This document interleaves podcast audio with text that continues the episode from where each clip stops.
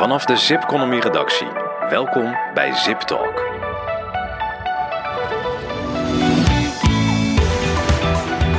Een hele goede dag en welkom bij Zip Talk, de podcast van Zipconomy. Mijn naam is Narada Bouwland en vandaag in plaats van Hugo-Jan Ruts hebben wij eh, Klaartje Vogel. Hallo Klaartje.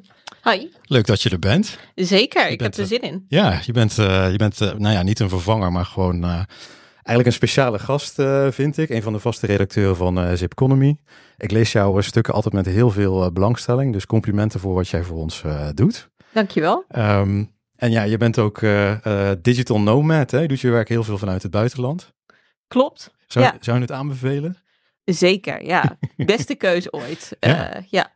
Ja, leuk hoor. En um, nou, dus ook zelfstandig, hè, zoals van als journalist. En dat is natuurlijk uh, meer dan eens hier het onderwerp hier bij, uh, bij ZipTalk. Um, en vandaag dus ook, en wij hebben vandaag twee gasten, want wij gaan een onderzoek bespreken. En dat is het onderzoek de economische en maatschappelijke waarde van zelfstandig professionals.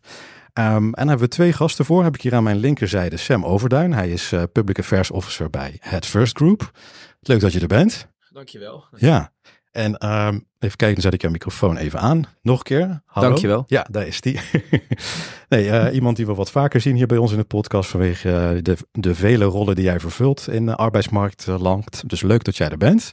Uh, jij gaat een stukje duiding van, voor, voor ons doen vandaag van het onderzoek. Dan hebben we aan de andere kant Henry Bussink en jij bent arbeidsmarktonderzoeker bij SEO Economisch Onderzoek. Ook welkom. Dankjewel. En dan heeft SEO in dit geval niks te maken met search engines, volgens mij. Nee, die uh, misvatting uh, bestaat nog wel eens ook uh, op LinkedIn door de personen die ik benaderd word. Maar ja. wij zijn toch echt een ja, stichting economisch onderzoek. Ja. dat is waar het voor staat. Nou, mooi, mooi. En wil jij wat, jouw microfoon een ja. beetje naar jou toe trekken? Ja. blijf ongeveer een vuistlengte ervan in de buurt, dan horen we jou heel goed. Um, eventjes over het onderzoek. Economische en maatschappelijke waarde van de zelfstandig professional SAM. Nu hebben jullie als het first hier de opdracht voor gegeven uh, aan CEO om dit onderzoek te doen. Uh, wat was daarvoor de aanleiding? Nou, dat ga ik eens eventjes uh, kort en bondig uh, ja, graag, Nou, dank ja. weer hè, dat ik hier mag zijn. Altijd, uh, altijd een genoegen. ja, de economische en maatschappelijke waarde van zelfstandig professionals. ja, vanuit, mijn, vanuit mijn rol kom ik, kom ik met enige regelmaat in Den Haag. En dan ben ik daar samen met, uh, met onze CEO uh, Marion van Happen. En dan gaan we in gesprek met uh, ja, Kamerleden of, of beleidsmedewerkers van, van verschillende departementen. Mm -hmm. En nou, een aantal maanden geleden waren wij dus op een departement. En toen, toen hadden we het eigenlijk over deze vraag. Hè, van wat is nou precies de economische en maatschappelijke waarde van zelfstandig professionals? Kunnen we dat kwantificeren? Kunnen we dat onderzoeken? Kunnen we dat hard maken? Nou, ik denk een hele goede vraag. Ja. en nou ja, die hebben wij meegenomen. En dat balletje hebben we vervolgens uh, uh, opgeworpen bij, uh, bij SEO. Ja, ja oké. En dan gaan we even naar jou, Henry. Um, want kennelijk was het dus hè, vanuit SEM en consorten nodig om iets te gaan uitzoeken aan die zelfstandig professional. Maar goed, je vindt de titel van het stuk heel interessant. Hè? Dus wat is de economische of maatschappelijke waarde? maar is er wel waarde? Want ze vragen alleen maar hele hoge tarieven en ze betalen ook nog eens minder belasting. Of hoe zit dat? Ja, in het onderzoek uh, laten wij zien uh, dat er voor deze uh, doelgroepen zelfstandig professionals inderdaad een maatschappelijke waarde is. Oké. Okay. Um, ja, en die zitten met name in dat door de mogelijkheid eigenlijk die het zelfstandig professional zijn biedt, um, eigenlijk zowel voor zelfstandigen zelf als voor hun opdrachtgevers, maar ook dus voor de maatschappij in brede zin tot een positieve baat leidt. Oké, okay, nou daar gaan we zo meteen meer details over horen. Maar Klaartje en ik gaan eerst even naar onze headlines. ZipTalk Headlines. Klaartje, waar zou je mee willen beginnen? Um, ja, ik ga eerst eens beginnen met uh, een onderzoek van ING. Um, ING heeft, op, uh, heeft uitgezocht wat het komend jaar uh, gaat brengen voor de flexbranche. En daaruit blijkt dat we een jaar van krimp tegemoet gaan. En nou ja, met flexbranche bedoelen ze dan uitzendbureaus, arbeidsbemiddelaars, payrollers. Mm -hmm. er zijn een aantal redenen voor. Ten eerste uh, ja, is de, de economische groei gaat wat naar beneden. Uh, de onzekerheid blijft en daardoor um, nou ja, maken ze pas op de plaats met de inhuur van personeel. Ja. Um, aan de andere kant is de arbeidsmarkt nog steeds krap. Dus uh, nou ja, als je als uitzendkracht ook maar een beetje open staat voor een vast contract, dan zul je dat wel krijgen. En zelfs de flexbedrijven um, nou ja, staan er meer voor open om mensen contracten te geven. Ja. Um, En dan hebben we nog de wet en regelgeving, waar ik ook veel over schrijf op Zipconomy. Um, ja, dat maakt uitzendwerk wat uh, duurder, wat minder flexibel. En aan de andere kant, nou ja, is er ook nog van alles aan de hand uh, met die, uh, die ZZP-wetgeving. Die zou daar aankomen, maar dat is allemaal nog onzeker. Dus um, ja, daardoor gaan bedrijven op zoek naar andere manieren van flex. Ja. Bijvoorbeeld ZZP. Ja, oké. Okay. Dus het is een hele uitgebreide glazen bol van, uh, van de ING. Ja. Zouden eigenlijk aan het begin van ieder jaar even moeten, een jaar terug moeten kijken van wat van de voorspellingen uh, waar is geworden. Maar dit waren ze in ieder geval van de ING uh, kennelijk. Ja, ja, en dan zijn er nog een aantal andere onderzoeken die dan, nou ja, misschien juist weer wat tegengestelde berichten geven. Dus ja. dat moet je altijd een beetje in een in perspectief plaatsen. Maar, nou ja. ja. Ze, ze verwachten krimp. Oké, okay, ja. we gaan het in de gaten houden. Uh, verder was er nog een uitspraak in een rechtszaak. Die was aangespannen door de werkvereniging. Um, die, had, uh, nou ja, die heeft aangevochten tegen de staat dat ZZP'ers uh, in de coronacrisis onterecht minder steun kregen dan werknemers of werkgevers Mhm. met personeel in dienst. Um, nou ja, de, de rechtbank heeft die eis van tafel geveegd. Die heeft gezegd, nou ja, uh, ZZP'ers die kregen inderdaad iets minder steun, maar dat is ook terecht. Um, uh, ja, die, die, nou ja, ze kregen sowieso via de steenmaatregel, de TOZO, maximaal een uitkering op bijstandsniveau. Ja. Um, dat vond de werkvereniging onterecht. Nou, de rechter is daar niet mee eens. Uh, die zegt, ja, werknemers en ZZP'ers die zijn nu helemaal niet met elkaar te vergelijken. Uh, en die uitgangspositie van de ZZP'er aan het begin van de crisis, die was ook al anders dan die van uh, werknemers. Een ZZP'er heeft nu eenmaal ook een beperkt vangnet. Ja. Um, nou ja, wat daar, nou ja, we keken allemaal ook een beetje uit naar, nou ja, wat gaat die rechter nou zeggen over dat verschil ZZP-werknemer? Ja. Want dat blijft een politieke discussie. Nou, rechter die houdt zich daar verre van. Die zegt dat is een politiek besluit. We houden het hierbij. Ja, oké. Okay. Dus dat is uh, jammer voor de of 0 of 1-0 voor de uh, voor de overheid. Ja. Uh, versus de werkvereniging. Oké. Okay. Klopt. Nou ja, gesproken over die ZZP-werkgeving, wetgeving. Aanstaande donderdag vindt weer het allereerste commissiedebat arbeidsmarktbeleid plaats van dit jaar. Oké. Okay. Uh, dat wordt op meerdere manieren heel interessant. Dus daar ga ik natuurlijk ook bij zijn en verslag doen voor Zip Economy. Okay. Uh, eerste punt waarop het interessant wordt, is dat er een, een heleboel nieuwe gezichten uh, te zien zijn sinds de verkiezingen. Um, nou ja, ook een aantal mensen die al wel wat ervaring op het dossier hebben, een aantal nog niet. Ja. Uh, dus het wordt nou ja, sowieso interessant om te zien hoe gaan ze zich positioneren. Um, uh, ja, waar, waar gaat de nadruk liggen? Uh, dus dat wordt leuk, um, vind ik dan. Ja. Heb je een beetje beeld wat ze op de agenda hebben staan? Moeten ze alle lopende zaken? Of, Het is een hele brede agenda. Ja.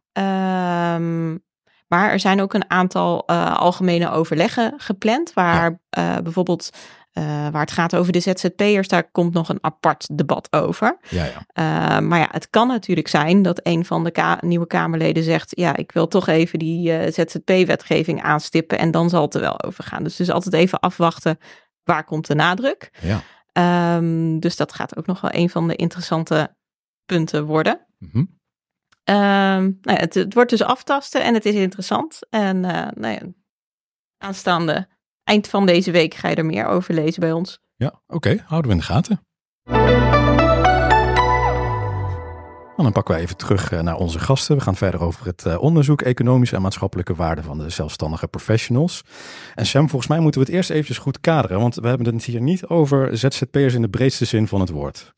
Nee, dat is inderdaad een, een, een goede vraag. En het ja. is dus inderdaad wel belangrijk om, om heel helder te definiëren van hey, welke, welke groep ga je nou precies onderzoeken. Ja. want nou ja, goed, in dit huis hoef ik dat natuurlijk niet uit te leggen de ZZP'er, die is in alle soorten en maten. Ja. Een hele diverse en heterogene uh, groep werkenden op die arbeidsmarkt. Um, en in dit, uh, in dit onderzoek hebben wij ons, nou ja, goed, de onderzoekers van SEO even specifiek gefocust op de zelfstandig professional. Okay. Nou ja, hoe hebben we uh, die zelfstandig professional gedefinieerd? Dat is een hoogopgeleide ZZP'er die zijn of haar diensten aanbiedt aan, aan organisaties, dus aan zakelijke dienstverlening. en, en, en vaak ook één tot drie opdrachtgevers per jaar heeft. Dus vaak wat langlopende opdrachten, kennisintensieve opdrachten. Um, en dat zijn ongeveer honderdtienduizenden, uh, 110.000 werkenden op de arbeidsmarkt. Ja, ja, en dat is vanzelfsprekend. Dat is ook een beetje de thuisbasis van het First. Dat is inderdaad ook een beetje de. En, ja. Oké. En uh, Henry, kun jij iets meer vertellen over hoe het onderzoek in, in elkaar zit? En uh, ik ben met name benieuwd naar hoe heb je nou de economische en maatschappelijke toegevoegde waarde bepaald? Ja, ik denk dat de grootste uitdaging voor dit onderzoek was om op het moment dat je de economische en maatschappelijke waarde van zelfstandig professionals in kaart wil brengen, um, ja, dan zou je eigenlijk iets moeten weten over de situatie uh, op de arbeidsmarkt op het moment dat zelfstandig professionals er niet zouden zijn. Okay. Um, dus eigenlijk hebben we eerst geprobeerd om die vraag te beantwoorden. En dat hebben we eigenlijk gedaan um, door enerzijds een, eh, een, grote groep zelfstandig professionals uh, ook te bevragen. Um, over allerlei uh, zaken, over uh, de manier waarop zij hun activiteiten doen, de redenen waarom dat ze zelfstandig professional geworden zijn. Ja. Um, ja, en daarnaast hebben we ook met een aantal uh, experts in, uh, in groepsverband daar verder over doorgepraat. Van hoe zou nou zo'n arbeidsmarkt eruit zien op het moment dat er geen zelfstandig professionals zijn. En dan zou je ook eigenlijk de, de, de effecten um, en ook de, de, ja, de kosten en baten van, uh, van zelfstandig professionals tegen die situatie kunnen afzetten. En dat geeft dan ook inzicht in, in wat dan de maatschappelijke meerwaarde is van zelfstandig professionals op de arbeidsmarkt. En hoeveel heb je er weten te bevragen? van die zelfstandig professionals? Um, ja, het is ons gelukt om, uh, om ja, meer dan duizend zelfstandig professionals uh, te bevragen. En uh, ja, daarmee hebben we dus ook een hele brede groep zelfstandig professionals ja, op allerlei zaken kunnen bevragen. Om ook meer zicht te krijgen in wat nou de, de eventuele maatschappelijke kosten en baten van deze doelgroepen zouden zijn. Ja. En wat, wat zijn ze? De... Nou, ik denk dat het belangrijkste hierin is om, om te weten van um, ja, hoe, welke mate van activiteit ze op de arbeidsmarkt zouden hebben op het moment dat ze geen zelfstandig professional zouden kunnen zijn. En ja, wat blijkt dus uit, uh, uit ja, de antwoorden die we terugkrijgen, is dat um, ja, voor een deel zal dat uh, bijvoorbeeld het werknemerschap zijn, hè, dus uh, een vaste aanstelling. Um, voor een deel zal dat bijvoorbeeld, zou als directeur groot aandeelhouder aan de slag blijven. Al dan niet zonder personeel. Een deel zal bijvoorbeeld gedetacheerd uh, zijn. Uh, maar ook een deel geeft dus aan ofwel met vervroegd pensioen te gaan, uh, ofwel minder of niet te gaan werken, ofwel werk in het buitenland voor te zetten. En met name in dat laatste, waarin eigenlijk een zelfstandig professional in het alternatief niet actief blijft op de Nederlandse arbeidsmarkt, ja, daar zit de grootste winst uiteindelijk ook voor deze doelgroep.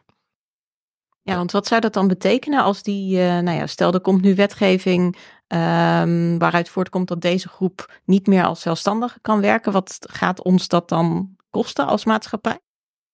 Ja, wij, um, gegeven de, de definitie die Sam net inderdaad al toelichtte van uh, zelfstandig professionals, um, schatten wij in dat het ongeveer om een groep van uh, 110.000 uh, zelfstandig professionals gaat.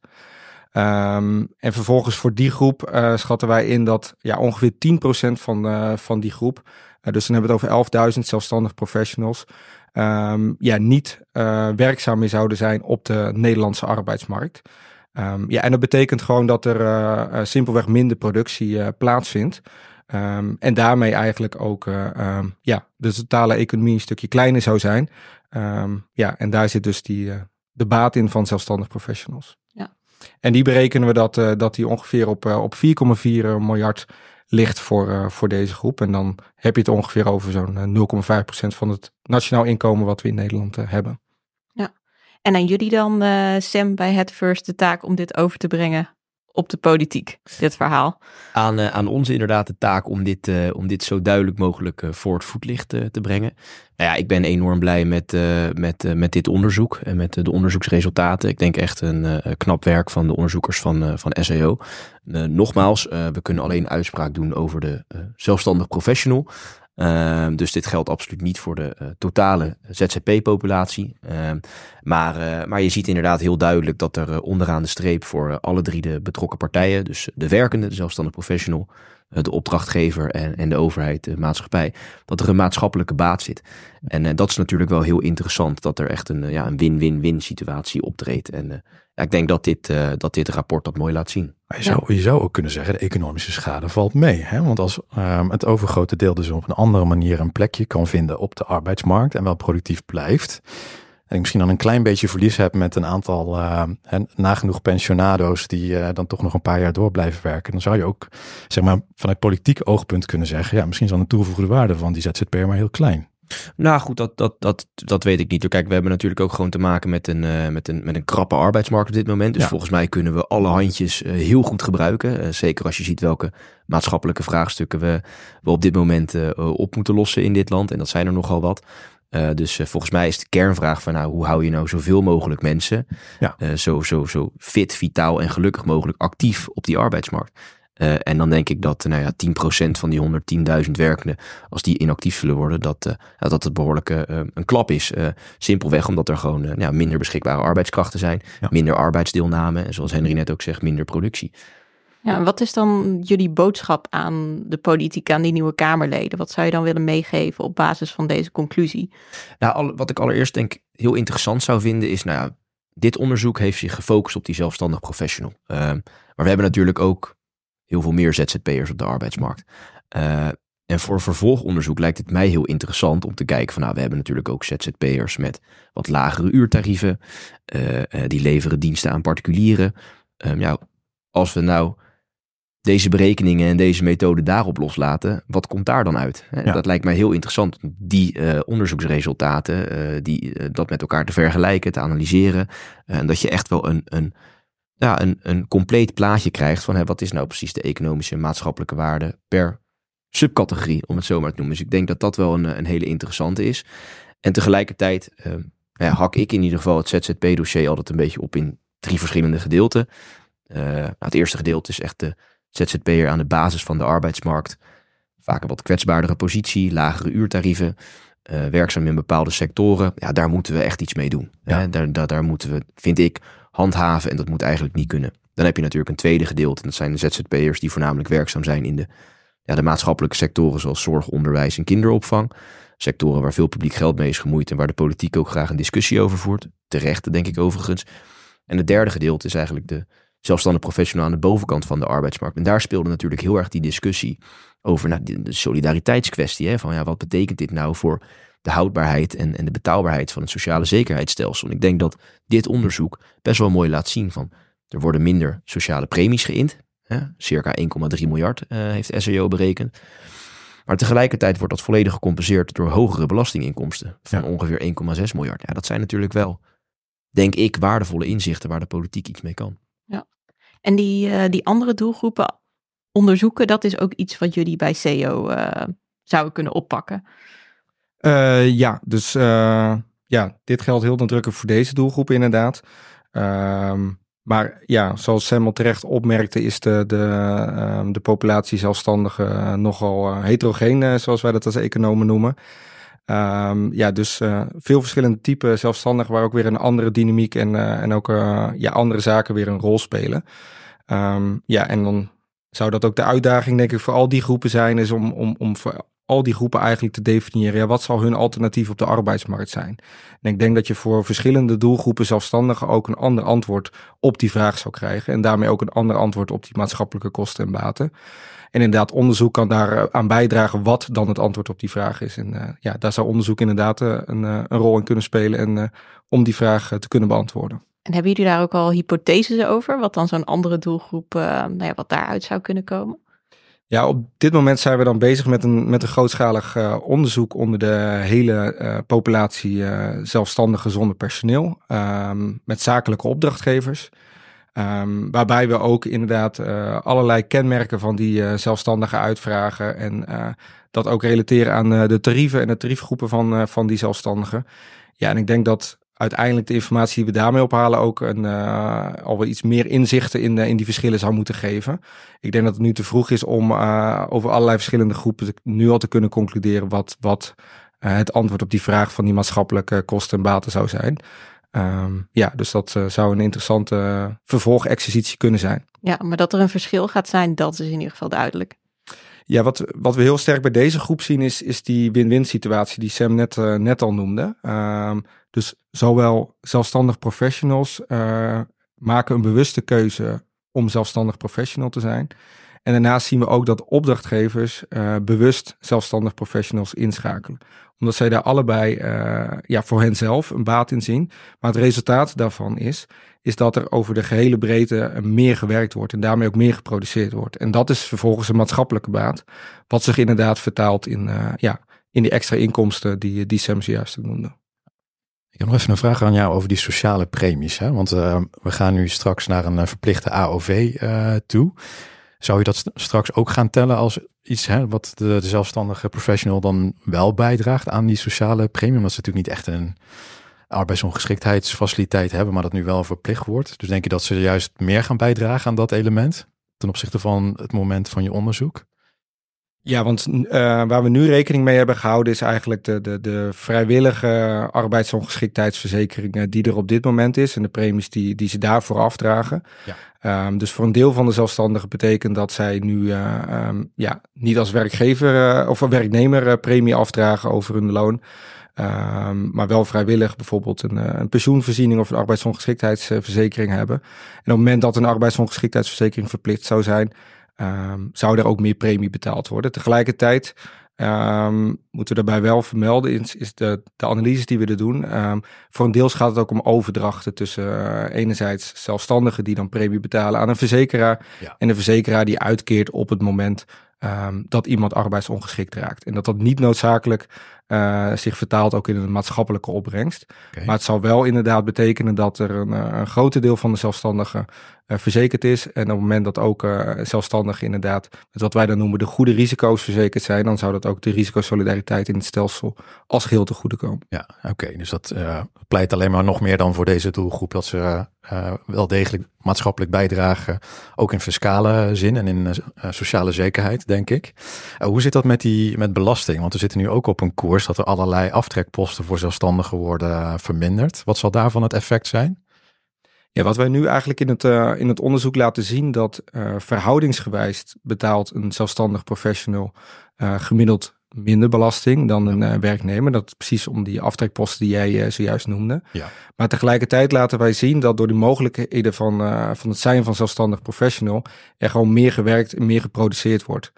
Um, ja, en dat betekent simpelweg ook gewoon dat er uh, over meer inkomen en over meer winst ook belasting gegeven wordt.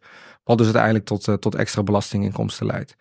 En op het moment dat die aftrekposten daar niet zouden zijn, dan zou je kunnen stellen dat die belastinginkomsten hoger zijn. Tegelijkertijd uh, kunnen er ook gedragseffecten optreden op het moment dat je de belastingen verhoogt. Dus het kan ook weer een impact hebben op bijvoorbeeld de hoeveelheid dat zelfstandigen zich aanbieden op de arbeidsmarkt. En heeft een van jullie ook een idee bij de, de, de opdrachtgevende kant? Hè? Dus is er nou, uh, die heb je volgens mij niet gesproken in het kader van dit uh, onderzoek, of komt er misschien uit de hoek van de expert, experts? Want als je vanuit die ZZP redeneert, dat is één kant van de medaille, maar ik kan me voorstellen dat een opdrachtgever misschien dit, deze vorm van samenwerken ook fijn vindt. Of is op dat vlak iets gekomen uit je expertpanel bijvoorbeeld? Ja, dus daarvoor hebben we met name inderdaad het expertpanel ingeschakeld. Okay. Um, Hoe en zag dat expertpanel eruit? Um, ja, dat expertpanel bestond eigenlijk uit, een, uh, uit verschillende experts, uh, zowel uit het ZZP-gebied, uh, maar, maar ook de brancheverenigingen, een grote werkgever, ja. opdrachtgever. Okay. Um, dus eigenlijk inderdaad een, een, een, club met mensen die vanuit verschillende rollen, zeg maar, op dit en met zelfstandig professionals te maken hebben. Ja. En eigenlijk hebben we met die groep vooral nagedacht over Um, wat zijn nou de, de, de motieven van zowel zelfstandig professionals, maar goed, die konden we ook vooral halen uit, uh, uit de bevraging van zelfstandig professionals zelfs, maar ook wat zijn nou de motieven van opdrachtgevers om deze doelgroep uh, in te huren? Ja. Uh, en welke ja, kostenbaten zijn daar voor opdrachtgevers? Oké. Okay. Ja, en wat we dus zien is um, ja, die win-win situatie die we al eerder beschreven. Hè? Dus een zelfstandig professional die graag uh, zich wil toespitsen op een specialisme, uh, die professionele autonomie. Uh, en daarnaast ook de flexibiliteit heeft om te werken waar en wanneer ze willen. Ja. En voor een opdrachtgever, um, die wint erbij door um, ja, zeer specialistische kennis in te huren, die veelal ook tijdelijk nodig is binnen een organisatie. Um, en zo'n zelfstandig professional, die kan ja, gedurende de, de periode van, uh, uh, van de opdracht zich volledig toespitsen ook uh, op zijn of haar expertise. Ja. En zo ook eigenlijk van meerwaarde zijn voor een opdrachtgever. Ja. En het valt me op dat je bij de opdrachtgever niet zegt um, dat de kosten minder zijn bij de inhuur van ZZP'ers. Nee, je zou misschien zelfs nog uh, bijna tegendeel kon, kunnen concluderen. Um, en dat is hè, waarom dat ook specifiek voor deze doelgroep geldt, dat denk ik. Um, dat kost, het kostenmotief niet zozeer een, uh, het voornaamste motief is van opdrachtgevers. Het wordt wel eens genoemd. Uh, maar ook uit andere onderzoeken blijkt dat het kostenmotief niet het voornaamste motief is om zelfstandig professionals in te huren.